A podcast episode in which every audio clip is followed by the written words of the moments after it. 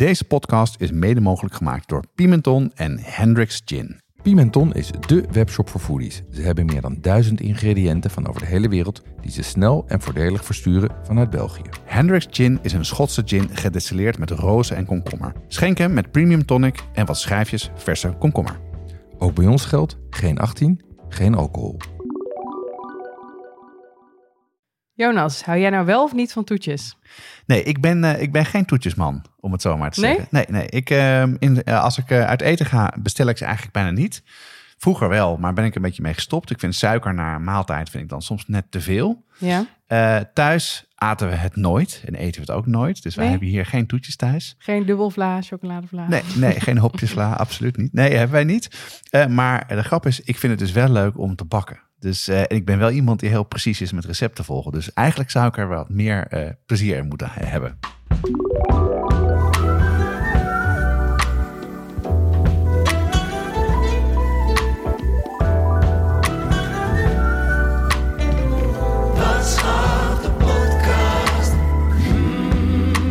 Ja, en de vaste luisteraar die denkt al, hè?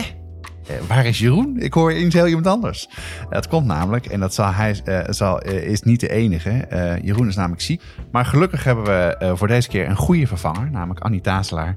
En de vaste luisteraar kent haar alvast, waarschijnlijk van de boteraflevering, waar, we die, waar we samen de research gedaan hebben. En we maken ook een korte podcast, Het Menu, die sinds dit jaar, sinds nu ook in de feed van Watschap de podcast zit. op elke zondag. En daar heb je haar misschien vaker horen voorbij komen. Ja, dus op zondag weer een eh, weekmenu. Maar eh, deze aflevering gaan we het hebben over de cannelé. Eh, een gebakje uit Bordeaux, uit Frankrijk. Ehm, het is hier ook steeds populairder. Ik zie het steeds meer voorbij komen. Je kan het bij een paar goede bakkers kopen. Of als toetje in Ja. het restaurant. Zeker. Maar daar ga je mij van alles over vertellen. Hoe kan je hem thuis maken? Ja, thuismaken ehm, is, dacht ik, simpel. maar jij zit hier, de trainwreck hier, die hier op tafel staat. Want ik heb vandaag meerdere versies en eh, dingen ge- gebakken. Niet altijd met een fantastisch resultaat. Ehm, we behandelen het recept, eh, de recepten die je kan gebruiken om te maken. Belangrijk eh, bij het maken van canalees zijn de vormpjes. Daar kan je veel geld aan geven en, en niet. Wat moet je nou doen? Wat zijn een beetje de belangrijke stappen? En niet onbelangrijk, wat kan er allemaal fout gaan? In het supplement praten we door over Café Gourmand. Wat is het precies? Je kan daar een cannelé bij serveren, maar ook andere kleine eh, lekkernijen zoals een madeleine of een eh, petit four. Dus daar gaan we het ook nog over hebben. En dat doen we dus aan het einde van deze aflevering, als je dit bent. Eh, Jonas, eh, we zitten hier eh, na de kerstperiode. Dat is allemaal achter de rug. De rust is teruggekeerd. Heb jij nog veel dingen gemaakt afgelopen maand? Ja, ik heb ehm, met kerst minder gekookt dan ik eigenlijk normaal doe. Ik heb het kerstdiner bij mij thuis met mijn broer samen gedaan. En mijn vrouw heeft ook veel dingen gemaakt. Ehm, maar ik wilde toch wel een paar dingen maken. En een van de dingen die ik gemaakt heb was een amuse, dus een tartaar. van een steektartaar, maar dan een combinatie van rundvlees en oester. Ah, Die heb surf and turf. Surf and turf, ja. Die heb ik ooit een keer gegeten bij de kas. eh, als, als, eh, als soort van starter. Ja, Altijd onthouden. Eh, dus ik had en, een van de chefs die daar werkt. wij volgen elkaar op Instagram. Dus ik had, denk ik, ga het gewoon proberen. Ik stuur hem een DM, kijken of die reageert. of die zijn geheim eh, wil Ja. loslaten. En ik kreeg meteen kreeg ik het, het recept opgestuurd van, nou, dat moet je zo doen. Nou, je moet je voorstellen, het recept is op restaurantniveau. Dus voor een steak dressing moet je anderhalve 1,12 fles Worcestershire saus hebben, maar dan groot. 60 Ja. druppels tabasco. Dus, dus dat heb ik even proberen terug te brengen tot, eh, eh, wat was het? We waren met z'n achter, geloof ik. Was echt een hit. Het is namelijk het lekker daarvan is, ehm, je denkt, hè, eh tartaar met oester erbij, is dat niet heel vissig en, en viezig? Nou, helemaal niet. Het is een umami boost van beide kanten. En het leuke is, als je mooie kleine oesterschelpjes koopt... en ik heb dan bij de groothandel in de kerstdrukte... heb ik al die, al die bakken opengetrokken om te kijken... van wat zijn nou de, de vormen, want ik was het helemaal vergeten. Jeroen heeft daar natuurlijk een hele aflevering over gemaakt. Dus ik heb nog teruggezocht eh, op de site... op wat dan de nummers waren. De Maar- perfecte vorm voor het opdienen ja, van... eh, ik, had, ik ja. had de eerste keuzes, die zijn- waren, waren wat, wat vettiger. En ik had nummer vier en daar bleek dus precies de goede kleine versie te zijn. Perfect. Dus, eh, en je, wat het leuke is, je wil er veel meer van eten. Dus het is een perfect, als een heel klein hapje, Ja. in een schaal. Vinden mensen gek en dat ging er goed in. Klinkt goed. En allebei rauw, eh, dus ook de oester en het eh, vlees. Ja, dus wel echt op het aller, allerlaatste moment Ja, maken. Dus eh, vlees echt goed koel houden. Ja, En de oesters pas openmaken. eh moment dat je, ja, dus dat was even, even, even in de keuken induiken, maar dat ging prima. klinkt heel goed. En heb je nog andere dingen gemaakt? Nog gebakken bijvoorbeeld? Ik heb zeker gebakken. Ehm, iedereen die mijn Instagram gevolgd heeft, heeft misschien wel gezien dat ik... ik heb melkbrood gemaakt. Japans melkbrood. Dat is een eh shokupan. Oh En- ja, dat heb, je, dat heb je al wel eens eerder gemaakt, toch? Ja, dat heb ik eerder Ja. gemaakt. En dat is dus, eh, dat maak je met zuurdesem. En eh, ik was wel weer vergeten eh, hoeveel stappen erin zitten en hoeveel tijd het Ja. kost. Deze keer was ik wel op tijd begonnen. maar toch om half twee ging, kon ik pas Ja. naar bed gaan. Maar goed, het was vakantie, dus dat viel wel mee. Ehm, maar dat is zo ontzettend eh, bevredigend als het lukt. Ja, Het is, een, eh, een, het is brood, eh, het melkbrood wat, wat in Japan veel gebruikt wordt en waar ook de panko van gemaakt wordt.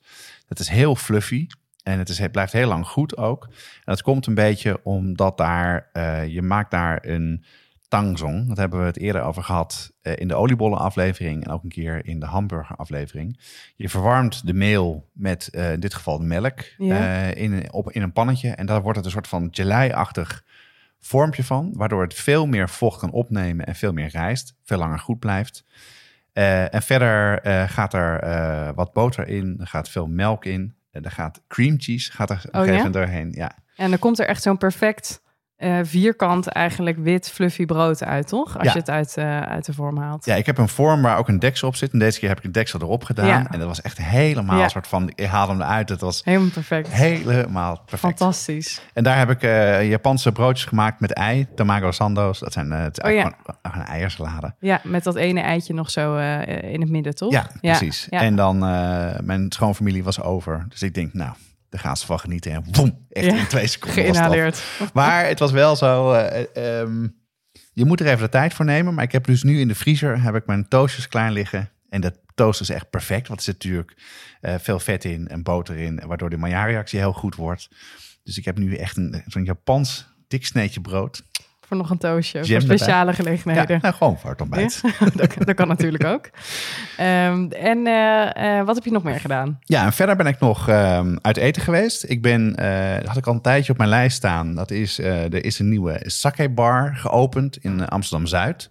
Volgens mij Ja. bij jou om de hoek. Ja, Oetage heet dat. Ken je de tramremise bij de Rijnstraat? ja zeker. Ja, dat is echt om de hoek. Ja, dat was vroeger een heel oud café. Ja. Dat is nu een sake bar, Oh, super leuk. hip. En eh, het is onder andere gestart door Utemba Sake, waar we ooit een keer eh, ben ik een keer langs geweest om eh sake op te halen toen we de ramenaflevering Ja. eh, maakten. Hij zei al, ik ben bezig met een sake bar. En een vriend van mij woont om de hoek. En eh, dus daar zijn we naartoe gegaan. En het was echt wel heel te gek, want de, de die zij dus eh, hebben en die ze importeren. En die importeren ze van ehm, kleine brouwerijen uit, uit Japan. Die een beetje dreigen te verdwijnen vanwege de, nou, de grote concerns die dat maken. Ja, En het moeilijke van die sake's is, eh, als ze te warm worden, dan gaan ze te ver door en dan bederven ze. Dus de, de uitdaging zit hem in, in het vervoer. Het moet namelijk gekoeld vervoerd worden ja. vanuit Japan. Dus dat Naar hebben ze nu Amsterdam. Ja. in Amsterdam. ja. Ja. Dat hebben ze nu op orde met, eh, met een boot. Hè, met een, eh, ze hebben nu een container die dat kan doen. Dat is ooit ontstaan door een DJ die graag sake wilde drinken met zijn feesten, in, eh, onder andere in Amsterdam. En die is begonnen, ja, die is begonnen met dat bedrijf. Nee, wat het leuke daarvan was, want dat komt wat mij betreft echt heel erg dicht in de buurt van wat je in Japan veel hebt, een izakaya. En namelijk, je zit daar, eh, en er was ook leuk om me heen, waren allemaal mensen die net klaar met werk waren en met elkaar afgesproken hadden. ja. En je kan daar alle, alle zakjes proeven. Ze komen aan tafel met de flessen. Dus je kan iets lekkers drinken en je klein, kan een klein hapje eten. En dingen die ik daar echt heel lekker vond, eh, waren de gepikkelde groenten. Wat je veel in Japan hebt. En wat voor mij echt een soort van ja, een soort smaakbom was, was een gepikkelde kleine kersttomaat. Echt? Ja, Wat grappig. fantastisch lekker. Heel klein, maar heel klein, en smaakvol. maar heel smaakvol. Ja. En de aardappelsalade, wat heel veel in Japan wordt gemaakt. Ja. eh, die heb ik ook nagemaakt, maar daar gaan we een andere keer over hebben. En natuurlijk de sake, die was daar echt, eh, echt top. Dus was- dat is een serieuze aanrader. Het is wel een beetje aan de prijs. Maar goed, je kan prima gewoon daar een glaasje sake drinken of thee als je dat wil. Ja. En één of twee hapjes nemen. ja, je hoeft niet voor een heel uitgebreid diner eh, Nee. per se daar naartoe Hoeft te niet gaan. per se, nee. nee. Goeie tip en om de hoek, dus dat jou moet, ik zeker, eh, moet ik zeker een keer uitproberen. En jij, heb jij nog veel gekookt in de diverse kerstdiners die jij gehad hebt? Ja, ja, ik had wel, eh, wel interessant ook voor het eerst twee volledig glutenvrije kerstdiners. Dus dat was even, eh, nou ja, opnieuw in de trucendoos eigenlijk. Want dan eh, merk je toch dat in veel recepten of je nog iets van sojasaus bijvoorbeeld gebruikt. Dus ik kon eigenlijk mijn, mijn vaste oldtimers niet gebruiken. Dus ik heb voor beide ehm, diners eigenlijk alleen maar nieuwe recepten gekookt. Ook en leuk, ook toch? niet van tevoren getest. Dus dat was eh, gewoon een experiment. Maar goed, dat geef ik dan gewoon van tevoren aan. Ehm, maar ik had toen eh, eh, voor, voor collega's had ik een, een recept van Otto Lengi uit Simpel. Ik heb dat boek echt met die, dat is met die gele citroenen op, echt wel heel vaak doorgebladerd. En hier was nooit mijn oog opgevallen. Je hebt dat soms in zo'n boek, waar je Ja. altijd langs, eh, langs bladert. Eh, en nu had iemand anders getipt. Nee, dat is echt een heel lekker recept. Een, een forel tartaar die daarin staat als visgerecht. Ehm, Rauw. Rauw, Ja, met ja. een beetje citroensap, een beetje ceviche-achtig. Eh, maar goed, ik bij de visboer. Natuurlijk geen forel te krijgen. Ehm, toen dacht ik, ja, waar ga ik het dan mee maken? Het was, Of te eh, betalen. of te betalen. Ehm, en toen eh, tipte de visboer van... joh, je kan supergoed hier verse makreel voor gebruiken. Helemaal als je er tartaar van gaat maken. Ja. Op het moment dat je het velletje van die makreel afhaalt... wordt het natuurlijk een beetje slap. Geen hele stevige eh, vis. Ehm, dus eh, ik heb daar toen ceviche van gemaakt. Oké. Ehm, met alle ingrediënten uit dat recept. Dus er zat vers dragon in, bruine boter, kon natuurlijk niet achterblijven. Eh, en eh komijn. Oké. En ik had er, daar had ik even bezigheidstherapie van gemaakt. Echt hele kleine brunoise van die mini komkommers doorheen gedaan. Voor ook nou ja, een beetje dat niet alleen maar vis was, maar ook eh, een beetje bite van die komkommer had. En dat was echt mega lekker. Dus het was een soort Ottolenghi upcycle. Dat goed zeg. Eh, en glutenvrij. Dus die had ik getest eh, voor collega's. Die waren fan. En toen had ik ze voor het kerstdiner met familie... had ik hetzelfde gemaakt. En toen nog met een lekkere cracker erbij. Dat ja. toch. Voor nog wat krokants erbij. Ja, dus wel getest. Ja, wel, uiteindelijk wel getest, ja. Ja. Vind het goed. Zeker, want kijk, zo'n makreel kan natuurlijk best wel tranig zijn. ja. Maar als je ceviche van maakt, het zuur erbij doet, dat is natuurlijk wat perfect. En Dus, veel eh, dragon. Het was echt, iedereen vond het echt top. Dus Leuk. Nou. aanrader. stuur maar door. Ga ik zeker ook maken. En verder. Eh, ben ook eh, uit lunchen geweest. Dat doe ik niet vaak. bij, zeg maar, voor een aantal gangen. Ik was bij Wolf Atelier, waar ze een soort omakase gemaakt hadden. Klinkt misschien een beetje gek. Wolf Atelier, restaurant in Amsterdam, hebben een Oostenrijkse chef... die het over de Aziatische boeg gooien. Maar eigenlijk het idee daarvan is dat het dus chef's choice, zeg maar, was. ja, ja, dat is wat, wat, dat wat, eh, wat het betekent. Wat hè? het betekent, Ja. inderdaad. Ja, dus eh eh, we zaten met, met acht mensen aan de bar. Dat doen ze nu één à twee keer per maand. Dus een lunchshift in het weekend. En dan krijg je acht gangen met ook twee sake's zaten er ook bij. Maar voor de rest ook alcoholvrije pairing die ze hadden. Dat was echt heel leuk. En het was een grappige mix van, nou ja, dus een Oostenrijkse chef met ook wat meer traditionele... eh, nou ja, misschien ook wel richting Franse keuken qua technieken. Eh, en één eh, gerechtje wat ertussen zat was een, een rauwe kokkie eh, met een lekkere dressing. En die werd geserveerd in de, in de schelp. Ehm, als je dan die kokkie op had gegeten, had je eigenlijk nog een restant van die dressing in die schelp zitten. Wat, eigenlijk, wat je er ook met een lepel niet heel goed uitkreeg. Nee. En toen kwamen ze nog met zo'n klein, warm, romig soepje. Bijna, eh, ik weet niet of het vichyssoise is, maar het idee van, eh, van aardappel, prei, room, zeg maar zo'n soort Ja, soepje. dat is heel smaakvol, maar ook best wel een, eh, een, een volle structuur. Ja, best wel rijk. Ja.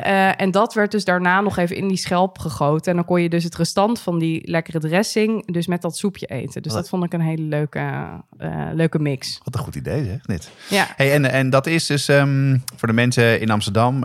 je hebt een beetje in het, het Westerdok.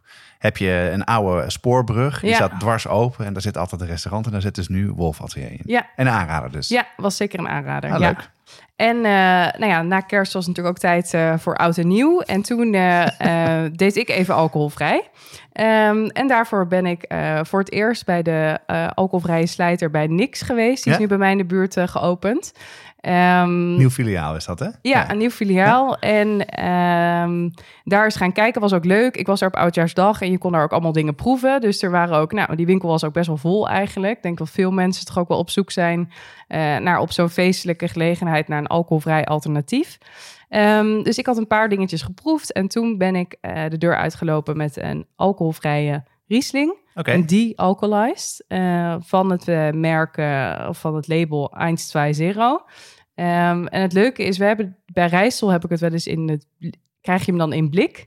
Dan Oké, heeft dat is hij nog blikje. Ja, ja. dat is dat Ja. blikje alcoholvrije wijn wat ze hebben. Daar zitten bubbels in. Die zaten hier niet in. Dus het was eigenlijk gewoon nou ja, een, een witte wijn, maar dan zonder alcohol. Maar het was echt lekker. En eh, ik zag ook dat ze eh, onlangs door de New York Times ook in een rijtje stonden met volgens mij twee van hun wijnen. Van echt goede alcoholvrije alternatieven. Dus ik had bij het eh, eten bij Oud en Nieuw had ik mijn eigen flesje alcoholvrije wijn. Goed. En jij was de enige of wilden mensen het ook proberen? Ik was de enige, maar ze wilden het wel proberen. En, En? ook bij de alcoholdrinkers kwam het door de keuring.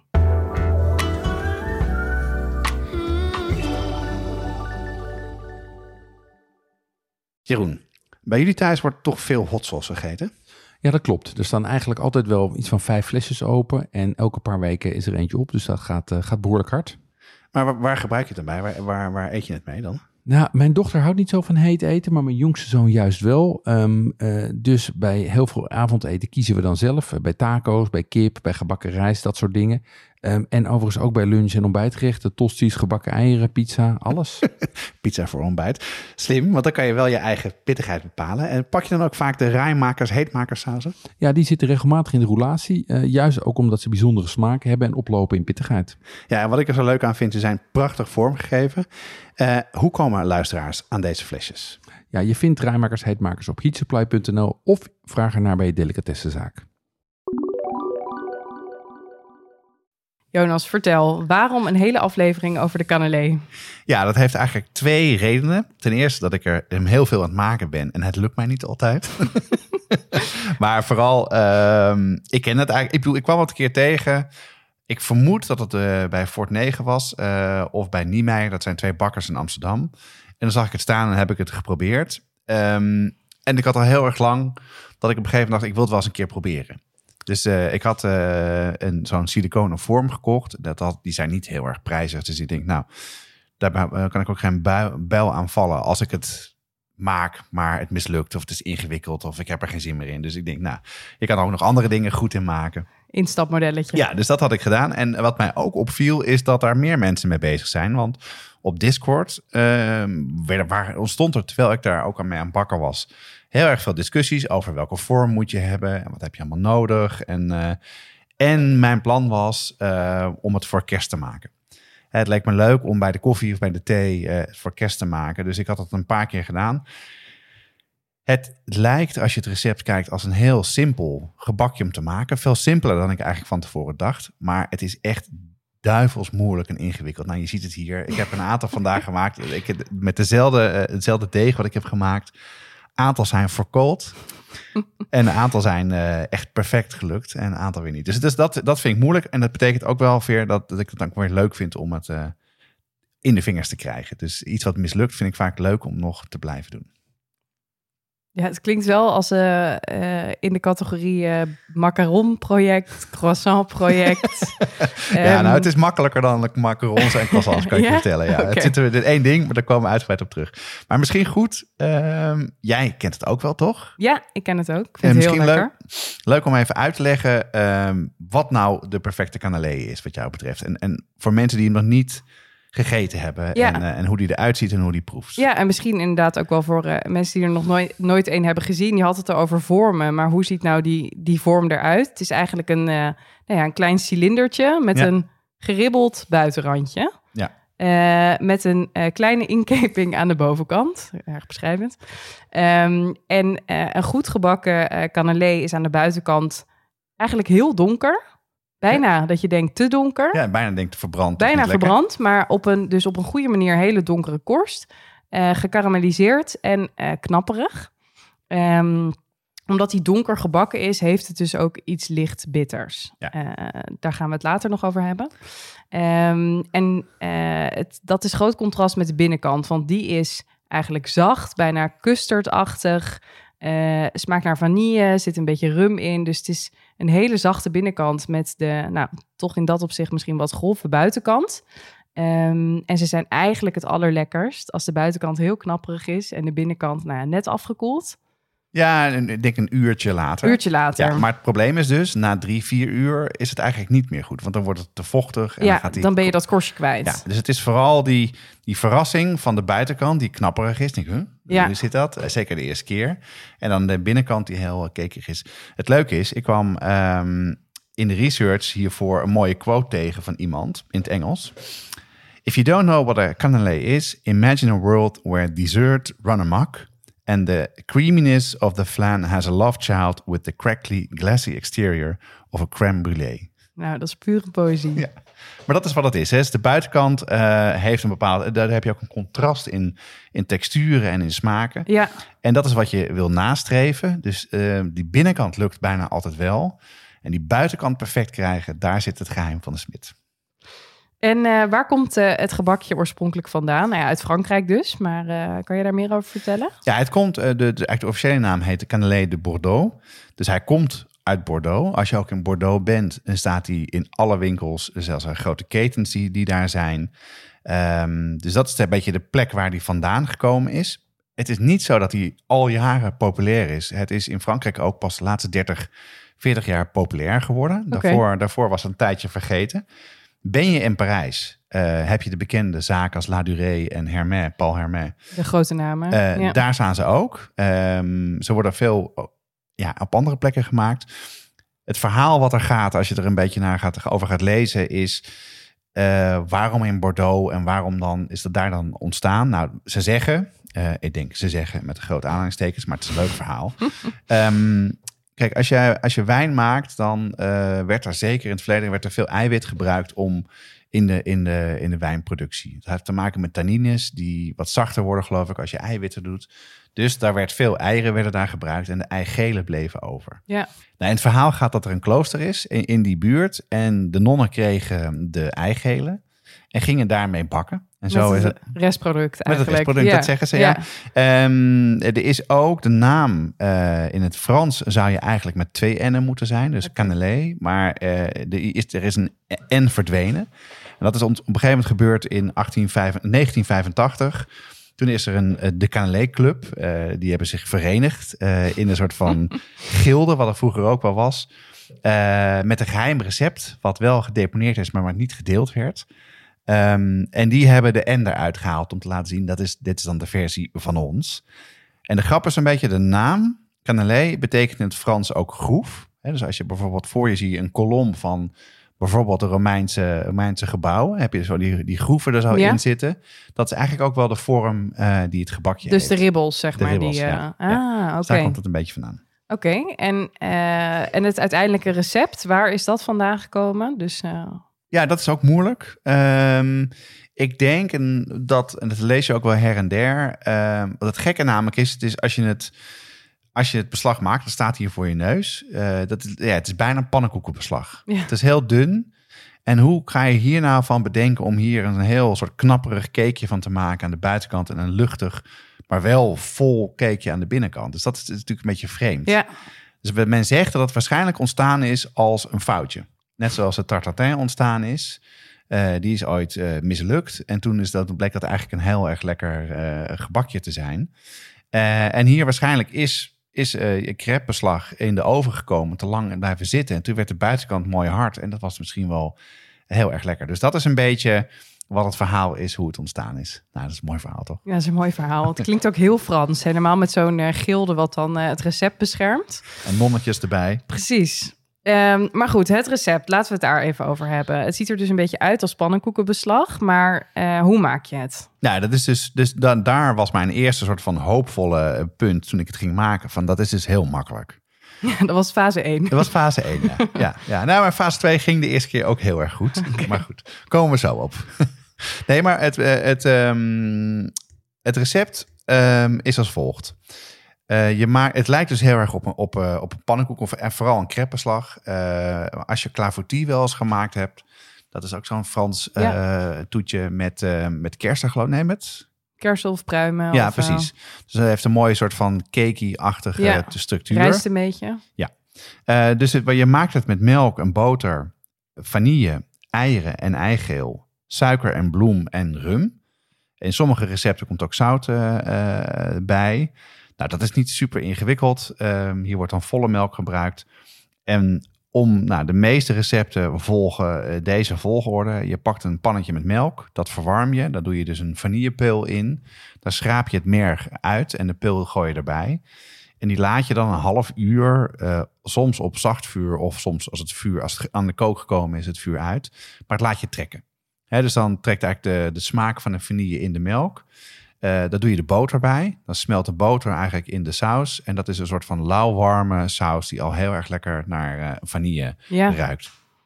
Dan doe je de droge ingrediënten. Dus dat is eh, de bloem en suiker. ehm, doe je in een, in een grote kom. Dan zeef je eigenlijk de melk om een beetje die peul en soms ook wel het velletje van de melk of wat aan de pan blijft zitten, Ja. die harde stukjes probeer je eruit te halen. Roer je goed door. Nou, dat gaat. Nou ja, heb je wel pannenkoekenbeslag gemaakt? Vrij makkelijk. Ja. Goed, gewoon een garde hebben en roeren. Hoef je ook niet heel ingewikkeld te doen. Ehm, dan doe je de eieren erbij en het eigeel. En roer je goed door. En als laatste doe je dan de rum erbij. En dan zet je het eh, in een kom en dan zet je het 24 uur in de koelkast. Maar dat is wel een goede om van tevoren eh, te weten. eh, in de categorie melkbrood eh, maken. dat je dus eh, 24 uur het laat rusten in de koelkast. Ja, dus alle recepten waarbij direct maken in stond, heb ik ook meteen, meteen gedisqualificeerd. Ja, dat, dat doe je. En dat doe je eigenlijk om een aantal redenen. Wat ik het leuke dus ook van vind, eh, is je kan dat tot bijna vier, vijf dagen in de koelkast laten staan. Ondanks eh, de rauwe eieren die erin Ja, zitten. maar goed, rauwe ja. eieren kan je ook vrij lang natuurlijk Ja, uit de ja. schil eh, laten Ja, staan. dat is natuurlijk ook zo. Dus kijk even goed op de, de houdbaarheidsdatum op je eieren. En dan kan je het dan wel doen. Ehm, waardoor je dus steeds een week lang eh, elke dag wel wat kanalees kan maken. Dus dan heb je ook Mm. niet per se heel veel dingen nodig. Ook handig voor het testen, kan ik je vertellen. Ja, dus dat, dat is daar heel erg handig aan. Want ik wist helemaal niet dat het ook zo lang goed bleef. En waarom doe je het? Je doet het dus voor twee dingen. Het, de smaak wordt er beter van. En ten tweede, het bloem. Er zit niet superveel bloem in, maar de bloem die erin zit, die krijgt de kans om, ja, die verandert chemisch van structuur. Eh, waardoor de gluten die erin zitten, ehm, het zorgt ervoor dat het niet een heel cakeachtig eh, resultaat gaat worden. Die gluten die breken volgens mij een beetje af, of er gebeurt toch iets anders. Ehm, waardoor ehm, uiteindelijk in het bakken het dus veel beter gaat. En wat er dus ook gebeurt is, ehm, soms kan het dus zo zijn dat die heel snel rijst. Dat een beetje een soort soufflé wordt. En er wordt ook wel eens gezegd, je mag het niet opkloppen, want dan wordt hij een soufflé. Nou, dat heeft niks met het opkloppen te maken, want dat heb ik ook gedaan en er gebeurt helemaal niks mee. Maar wel als je het meteen gaat maken. Dus op een of andere manier wordt het soufflé-achtige gedrag, dat wordt teniet gedaan door het in de koelkast zetten. Veel chemische processen eh, Ja, zo, eh, ja. zo te horen. En het is, nou ja, we hebben het eh, misschien wel over cakejes, maar de structuur waar je naar op zoek bent is totaal niet cakerig. Dus ik kan me voorstellen dat het goed helpt om het echt eerst te laten rusten voordat je ermee gaat bakken. Ja.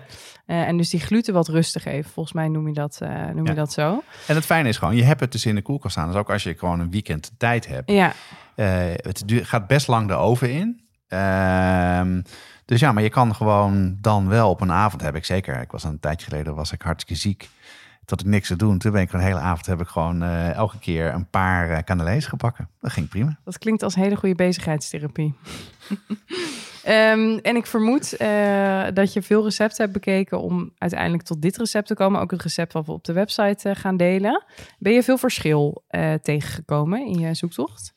Nou, eigenlijk niet, eigenlijk niet heel erg veel. De, de, beetje de basisverhoudingen die je overal wat terugkomt, terugvindt, hangt een beetje van de grootte van je vorm af hoeveel je er kan maken. Heb je een gemiddelde vorm, kan je er snel 30 met, het, met dit eh, recept maken. Dus dat is best wel veel. Eh, het is ongeveer 500 milliliter melk. Eh, daar gaat de helft op in suiker, dus 250 gram. En daar weer de helft in bloem, 125 gram bloem. En dan uiteindelijk 50 gram boter, één vanillepeul en ook 50 milliliter eh, rum. En dat wisselt een beetje. Sommige soms hebben mensen minder rum of meer rum. Sommige recepten gaat er een halve vanillepeul in of twee. Uh, in sommige Amerikaanse recepten gaat er vanille essence in. Dus die heb ik ook meteen gedisqualificeerd. Ja. Die, die, die, die zijn mee. niet geworden. Um, maar wat je vooral merkt, de verschillen zitten in kleine dingetjes. In, in vooral de manier van samenstellen. De een doet bijvoorbeeld uh, de, de melk koud erbij. En begint eerst met de natte ingrediënten. Dus de eieren en de melk. Uh, en dus eerst de eieren en de suiker mixen. En dan de melk erbij. En later de, de meel en... en um, de meel erbij. Sommige gaat er zout in. Uh, heb ik niet gedaan. En het is vooral eh, het recept van Niemeyer, wat ook op de site staat, heb ik ook uitgetest. Eh, die doet het eigenlijk nog langer over, want die laat de melk 24 uur in de koelkast trekken. Dus er gaat vanille in de melk en die maakt hem niet warm. Um, een soort koud infuseren van de melk, die je daarna in het recept gaat gebruiken. En hij gebruikt poedersuiker. Bij veel andere is er suiker in. Maar het grootste verschil wat je vooral gaat vinden is hoe je het moet bakken, welke temperatuur, hoe lang, welke vorm. Dat is eigenlijk. Dus, dus het, het is heel simpel te maken. Het is wat complexer te bakken. Mooie conclusie. Ik ben heel benieuwd hoe het uh, bakproces eruit uh, heeft gezien. Um, ja, de, de ingrediënten zijn dus eigenlijk best basis uh, van de cannelé. maar het zit hem echt in de vanille en in de rum, die er dus de smaak aan geven. Ja, absoluut. Um, nou ja, daarbij is natuurlijk kwaliteit speelt natuurlijk uh, mee. Uh, vanillepeulen uit de supermarkt kunnen wat uh, nou ja, minder smaak hebben, wat droger zijn. Um, dus mocht je de investering willen maken en goede vanille willen bestellen, dan raad ik dat ook zeker aan. Ja.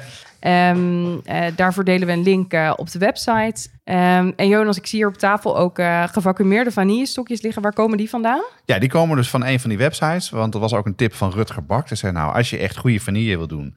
ga dan in dit geval naar vanillemadagaskar.nl.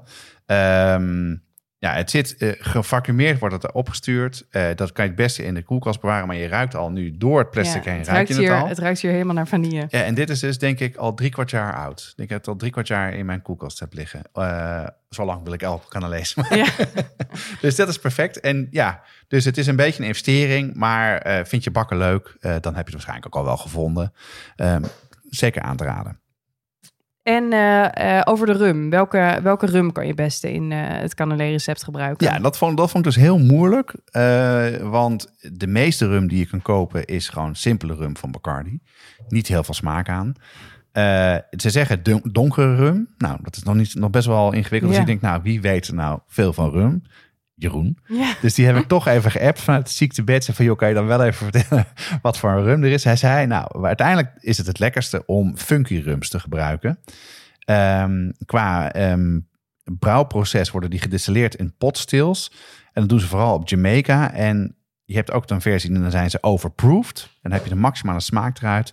En dan wordt er zo weinig mogelijk water toegevoegd. Nou, hij, zei, hij gaf een aantal voorbeelden. Die zetten we vooral ook op de site. Uh, en ook hier kan je die het beste online bestellen. Um, er zijn genoeg winkels die dat uh, in grote getalen doen. Uh, de Smith Cross Overproof is heel goed. Pussers Gun Gunpowder Rum is goed. En Plantation Xaimeka, denk ik, hoe je het uitspreekt, is ook een goede. let wel, dit zijn heftige smaken. maar het is wel leuk om daar een beetje mee te experimenteren. Maar dan wordt hij wel meteen weer wat, wat, wat lekkerder van, denk ik. Dus dat zijn goede tips. En uh, wat als je geen rum wil gebruiken in het recept? Moet je dan nog iets aan het, uh, de hoeveelheid melk of uh, boter wat je toevoegt? Nou, volgens mij, nee, volgens mij moet je iets meer vocht toevoegen. heb ik gelezen. Er zijn ook versies waarbij dat niet wordt gebruikt. Okay. En volgens mij kun je het gewoon weglaten. Oké. Okay.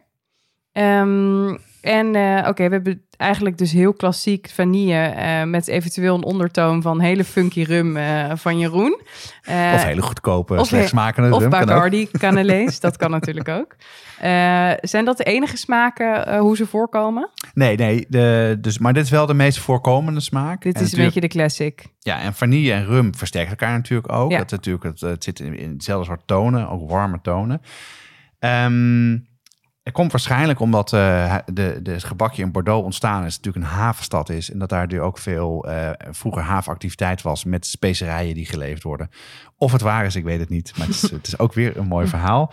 Maar er zijn ook andere smaken mogelijk. Wat ik een hele leuke vond, uh, was eentje waarbij dus de vanille en de rum achterwege laat. En daar voeg je um, sinaasappelzest toe als vervanger van de vanille. Dus uh, ook heel smaakvol uh, en wat frisser.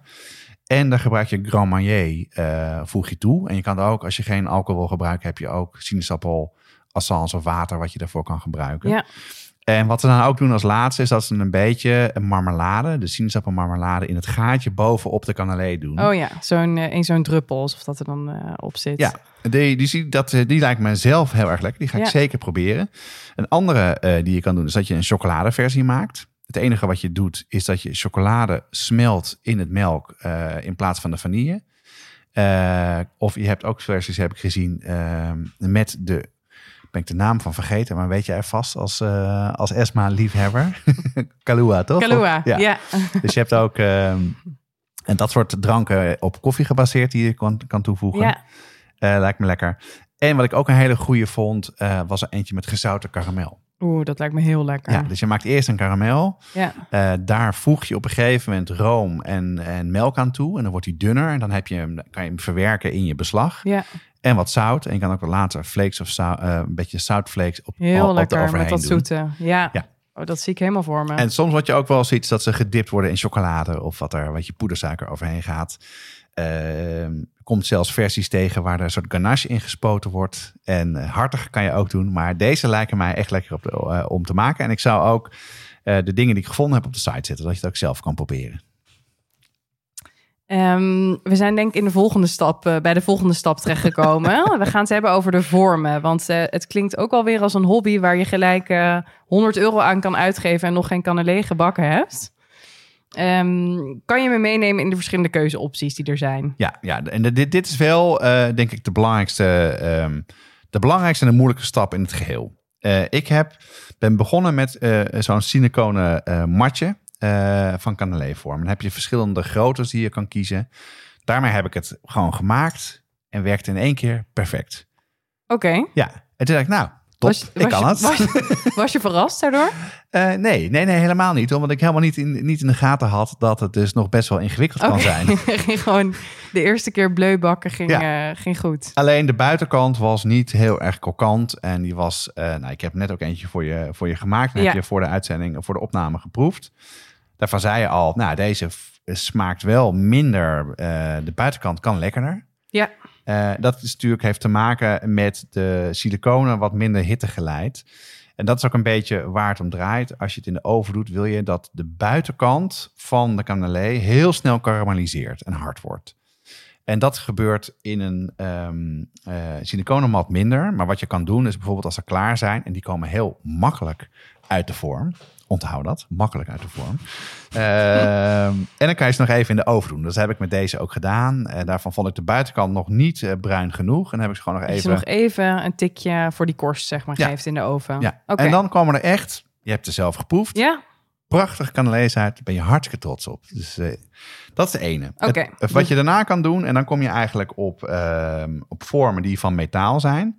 Dus je hebt een vorm ehm, in de vorm van zo'n muffin eh, bak, zo'n muffin tray. Daar zit vaak heel veel anti-aanbak in. Daar ben Ja. ik niet zo heel erg fan van. Maar eh, daarvan zei hij ook dat hij veel voorkwam, ja toch? van Creuset eh, schijnt er eentje te zijn. die wordt wel getipt. Ja. ja. Het voordeel daarvan is, ze komen er goed uit. Daarvan krijg je een iets donkere korst. Maar de beste die je kan gebruiken is van, van koper met een binnenkant van tin. Ja, daar hebben we ze.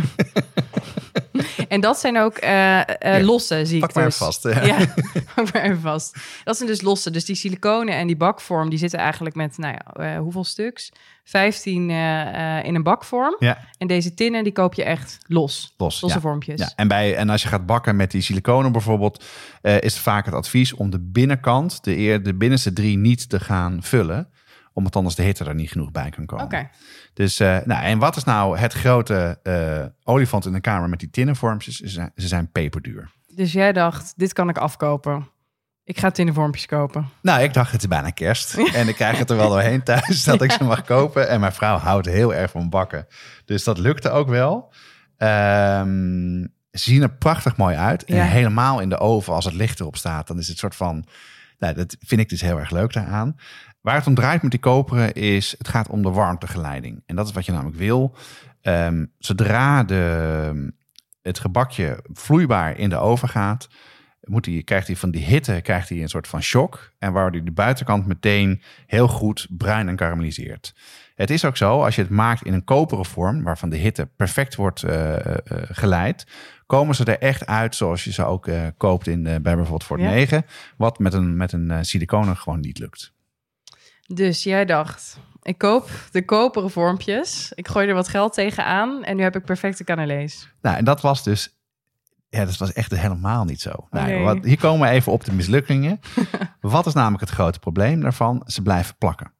Eh, en het zijn best wel harde cakejes aan de buitenkant. En je krijgt ze gewoon niet uit, dat, uit die vorm. Zit er gewoon helemaal, die korst is gewoon tegen Helemaal vorm aangevormd. Ja. Ja, ja. En je wordt echt gek, kan ik je vertellen. ik was zou vlak gillen, voor- denk ik. Ja, vlak Ja. voor een dinertje. En dus ze moesten eruit krijgen. En eh, dus dat, dat, ja, ze zijn nog steeds lekker, maar het ziet er dan niet mooi uit. En ik ben dan een beetje chagrijnig ervan. Nou, wat was ik nou vergeten? Dat vind je ook niet heel erg veel. Je moet ze dus inbranden. Je moet ze seasonen. Dus het is van, van metaal. Net zoals je bijvoorbeeld pannen hebt. Die moet je eerst met olie eh, bewerken en inbranden. Dan ontstaat er zelf een soort natuurlijke anti-aanbaklaag op. En dat was ik dus hier vergeten. Eh, heb ik daarna eh, wel gedaan. En, en toen ging het dus veel beter. En hoe je dat nou moet doen. ehm, het zijn twee, twee methodes eigenlijk die, die men zegt. Ik heb het gedaan met olie. Ik heb gewoon eh, zonnebloemolie genomen. Ik geloof dat de oven 180 graden heb gedaan. Dat heb ik erin gedaan. Dan heb ik ze er geloof ik een half uur of een uur in de oven laten staan tot het gaat walmen. En dan haal je ze eruit. Nou, giet je de olie eruit die erin zit en dan draai je ze om, zodat de olie, en dan moet je wel een bakje eronder zetten, dat de olie eruit kan lopen, Ja. zodat eh, die dan in zijn geheel werkt. En dat heb ik daarna heb ik het gemaakt, kwam er echt perfect uit. Een tweede optie, eh, die heb ik niet gedaan, maar ik vermoed dat ik het nu wel ga doen, want ik heb te veel problemen nu met die dingen. Dat is je dus helemaal ga, eh, weer terug gaan brengen en opnieuw gaan seasonen. En schijnt het met bijenwas nog het beste te werken. Dus dan eh, doe je de bijenwas in. En het fijne van bijenwas is, zodra het eh, warm is en je giet het op iets wat gewoon kamertemperatuur is, stolt het meteen. Ja, Dus je hebt meteen een heel mooi laagje op. En die zet je op zo'n kop eh, dan in de oven. Dan brand je het in en dat werkt ook. Dat schijnt nog veel beter te werken. en dan zijn ze gewoon helemaal ingevet, klaar voor gebruik. Ja, dat hoop je. Eh, want ik dacht, nou, eh, we gaan een aflevering maken. Ik ben zover, ik kan Ja. het doen. Dus ik ben ze dus de afgelopen tijd weer gaan maken. En toen bleef ze toch weer plakken. En dat heeft te maken met hoe je ze invet. Oké. Daar heb je een aantal opties voor. Ehm, je kan de vormpjes in de vriezer doen. En dan kan je ze dus invetten met, eh, met boter, met, met gesmolten boter. En dan eh, kan je een heel dun laagje doen, omdat die meteen eigenlijk bevriest. Ja, weer eh, stolt op de door, vorm. doordat die koud is. Oké. Daarna weer in de koelkast zetten, zodat het, dat het er gewoon koud blijft. En als je dan eh, het beslag erin doet, dat het dan niet meteen smelt eigenlijk al een beetje door de kamertemperatuur van het beslag. Dus dat is één ding. Oké. Wat je kan ook doen is oliespray. Staat hier ook op tafel. Heb ik ook meegenomen. Nou, deze dacht ik perfect. Nou, ik zal even laten zien wat er gebeurt. Dit is dus gewoon een soort haarlakbus met, eh, met eh, olie. Dat denk je. Oh, het is schuim. Ja, een soort van schuim. Dus ik dacht, er komt een heel mooi soort van olie. Oh, ik dacht, dit is een soort zo'n olijfoliespray wat je ook wel kan kopen. dus ik heb blijkbaar de verkeerde gekocht. Het wordt, daarna wordt het dus weer olie. Dus dit- Oh. die krijg je weer veel te veel olie in. Dus dat kan je ook, eh, ook doen. Eh, dit doen dus de, de bakkerijen gebruiken dit spul. Waarschijnlijk niet deze die ik heb gekocht, maar een goede. Ja, En wat je ook kan doen, en dat is uiteindelijk wat ik ook gedaan heb... en wat je overal leest, dat je een combinatie maakt van boter en bijenwas. Eh, en dan krijg je echt een fantastisch mooi laagje, omdat hij dus meteen stolt. En daar heb ik hem ook mee gemaakt en dan kwam hij ook perfect eh, kwam hij uit de oven. en is bijen was een echte holy grail om de can cannelé in zijn geheel uit de vorm te krijgen. Makkelijk. Ja, ja en Ja? ook wel voor, voor eh, de textuur. Wat het namelijk, er zijn een beetje de, twee kampen heb je erin zitten. Niemeyer is anti-bijenwas, een aantal anderen zijn voor.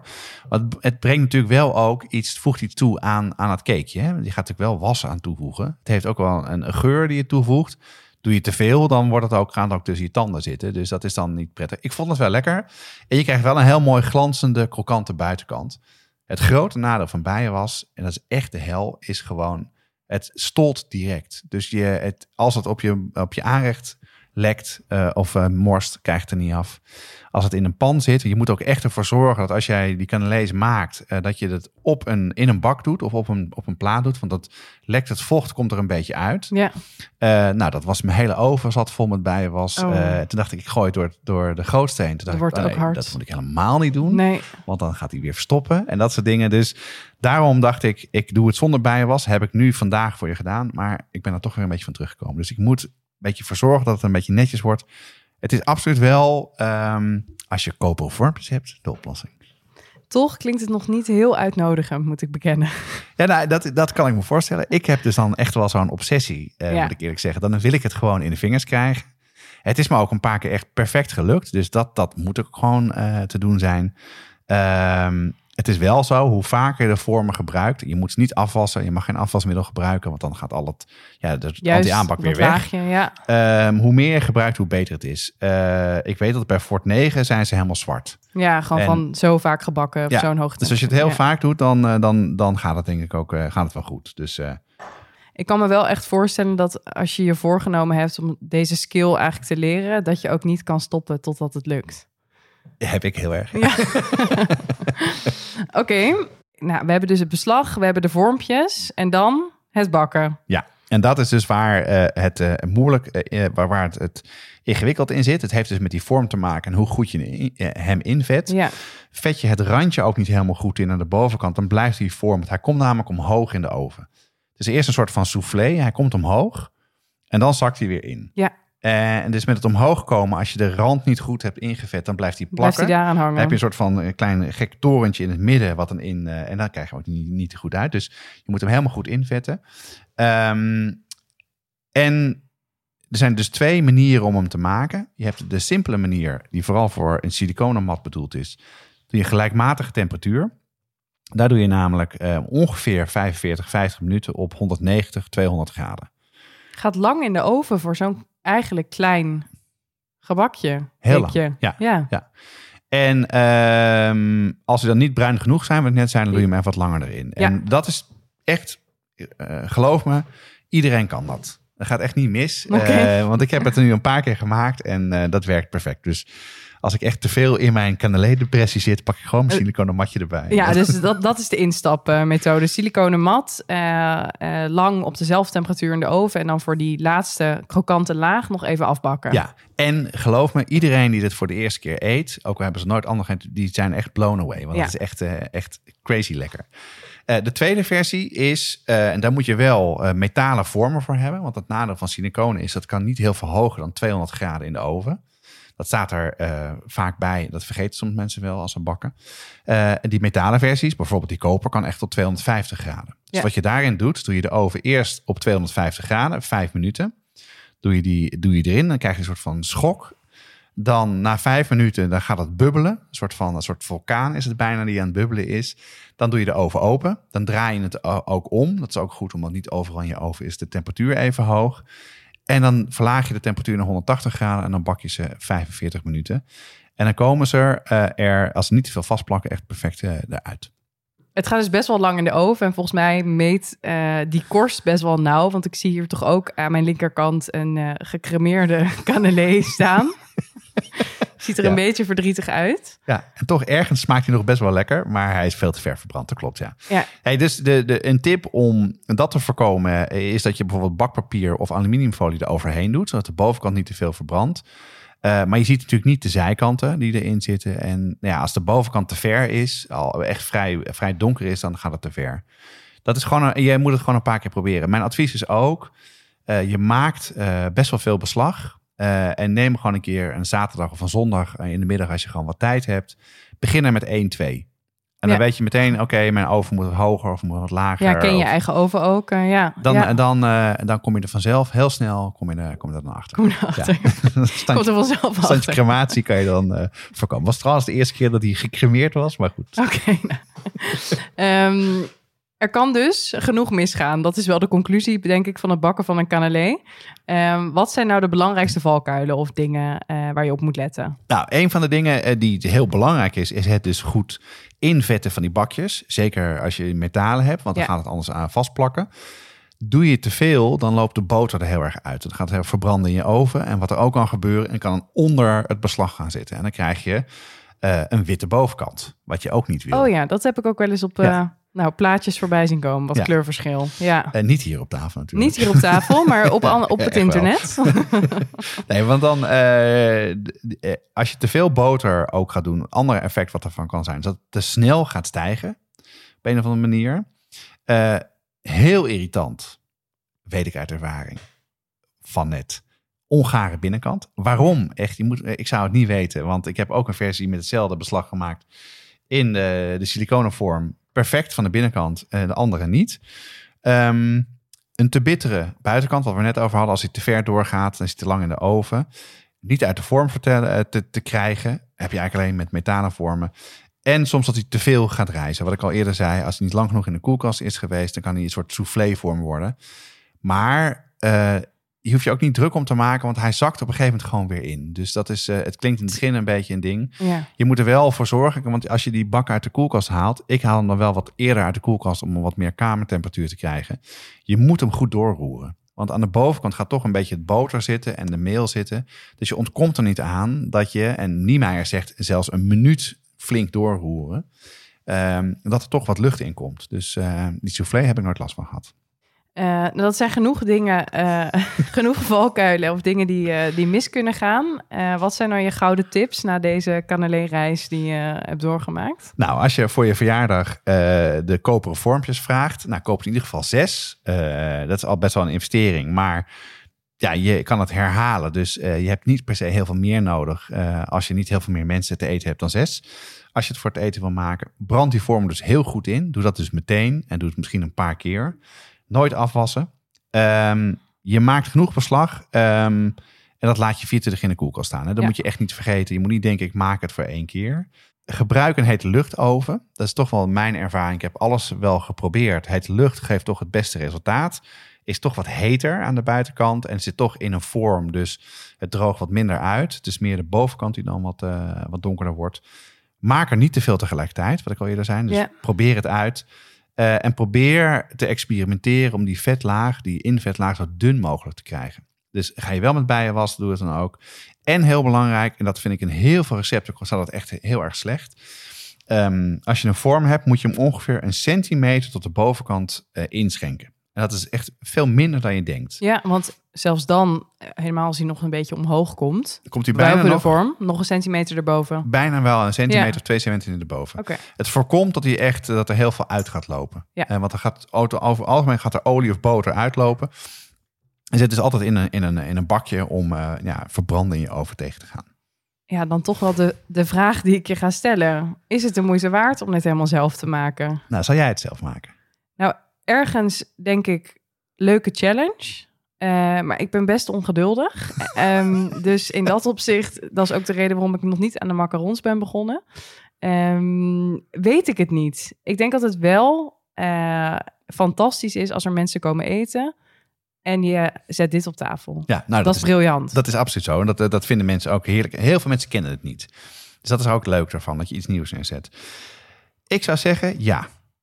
Uh, Want als je niet voor die koperen vormpjes gaat, en dat zullen heel veel mensen niet doen, omdat ze gewoon te duur zijn. Dus uh, laten we dat ook heel duidelijk maken. Dat is voor heel veel mensen niet wat ze daaraan willen uitgeven nee. of, uh, of kunnen uitgeven. En als je zo'n siliconen mat hebt, krijg je ze er echt heel erg goed uit. Dus laat ik zo zeggen, begin daarmee tot je het een beetje leuk vindt en uh, denkt, nou, ik durf die challenge wel aan van die koperen dingen. Dan koop dan die koperen of die tinnen. Dan zou ik zeggen, goed invetten en inbranden. En anders gewoon bijenwas gebruiken. En dat kan je, moet je even goed zoeken bij Imkers of anders online kan je het wel vinden. Okay. En dan mislukt het echt niet. Alleen je moet dan wel netjes werken. Nou, ik moet wel bekennen, door, ik ben wel redelijk gerustgesteld dat het met die siliconenmat dus ook lukt. Uh, dus dat maakt, om het een keer te proberen, het uh, nou, misschien toch iets toegankelijker dan ik dacht. Dus ja. misschien moet ik er ook maar aan geloven. Mag hem lenen, misschien hoor, neem ik hem straks mee. um, ja, of uh, je kan ze natuurlijk ook kopen. Um, uh, je kan ze bijvoorbeeld dus kopen bij Bakker uh, Niemeyer in Amsterdam, bij Fort 9 uh, of overal in Bordeaux of bij de betere zaken in Parijs. Ja. En bij restaurant Rijssel krijg je hem bij het toetje. Ja. In het ja, klein. En er zijn nog wel meer bakkers die, uh, die hem ook uh, hebben. Ik geloof dat uh, Holtkamp hem in het weekend heeft, toch? Ja. kwam, jij, kwam jij achter. We horen graag ook tips van brigadeleden. Want wij weten nu wel de dingen in Amsterdam. Maar vind het leuk om voor heel Nederland en voor Vlaanderen ze op de site te zetten. Dus heb je nog tips waar je ze echt goed kan kopen? Uh, dus is namelijk leuk om daarmee te beginnen. Kijken of je namelijk uh, de moeite waard vindt om het uit te proberen. Uh, zet die dan even op Discord en dan voegen we die toe aan de site. Goed, Annie. Ik heb je bijna zover, want je gaat er volgens mij meenemen.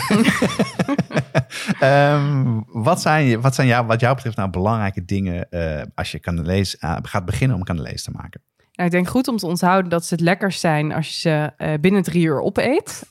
dus Uh, dat is als je voor een dinertje wil, denk ik goed om in je achterhoofd te houden qua timing. Het beslag is makkelijk, maar je moet daar even uh, 24 uur voor uittrekken om het te laten rusten in de uh, koelkast. Dus denk eraan bij je planning. En je kan dus beginnen met siliconen matjes. Vind je het leuk? Dan kan je altijd nog de investering doen in uh, koperen vormpjes. En dan zes stuks om mee te beginnen. Ja, en ik zou zeggen, uh, investeer als je die kopervorms hebt genoeg tijd om ze in te branden. Was ze dus echt nooit af. Zeker niet in een vaatwasser. Gebruik je uh, siliconenmat, dan ga dan voor de gelijkmatige temperatuur. Nooit hoger dan 200 graden. En dan kan je zich even verder afbakken in de oven als ze niet helemaal bruin genoeg zijn. Gebruik je koper, dan is in vette key. En als het blijft mislukken, gebruik je bijwas. en dan zet je de oven eerst heel heet en dan laag. Voor de luisteraars van de gratis podcast zit het erop voor deze aflevering. Voor de brigade gaan we nog even door met supplement. In het supplement praten we over de Café Gourmand. Wat is dat nou precies? Uh, wat kan je naast de cannelé nog meer uh, daar serveren, zoals de madeleine en veel andere petit fours, namelijk de kleine gebakjes. Als je ook lid wil worden van de brigade, ga dan naar petjeaf.com slash podcast en meld je aan. Rest mij niet anders dan te zeggen Annie, ontzettend leuk dat jij eh, zo snel wilde invallen. Uh, en we wensen Jeroen heel veel beterschap. Deze podcast wordt gemaakt door Jonas Nouwen en Jeroen Doucet. En met dank aan onze invalshost Annie Taaslaar. En het team bestaat verder uit Natasja Roda, Katja Workel, uh, Paul Veldkamp en Jesse Burkunk. De muziek is gecomponeerd door Nico Brandsen en Ton Dijkman en uitgevoerd door Mel en Vintage Future. Tot de volgende keer. Tot de volgende keer.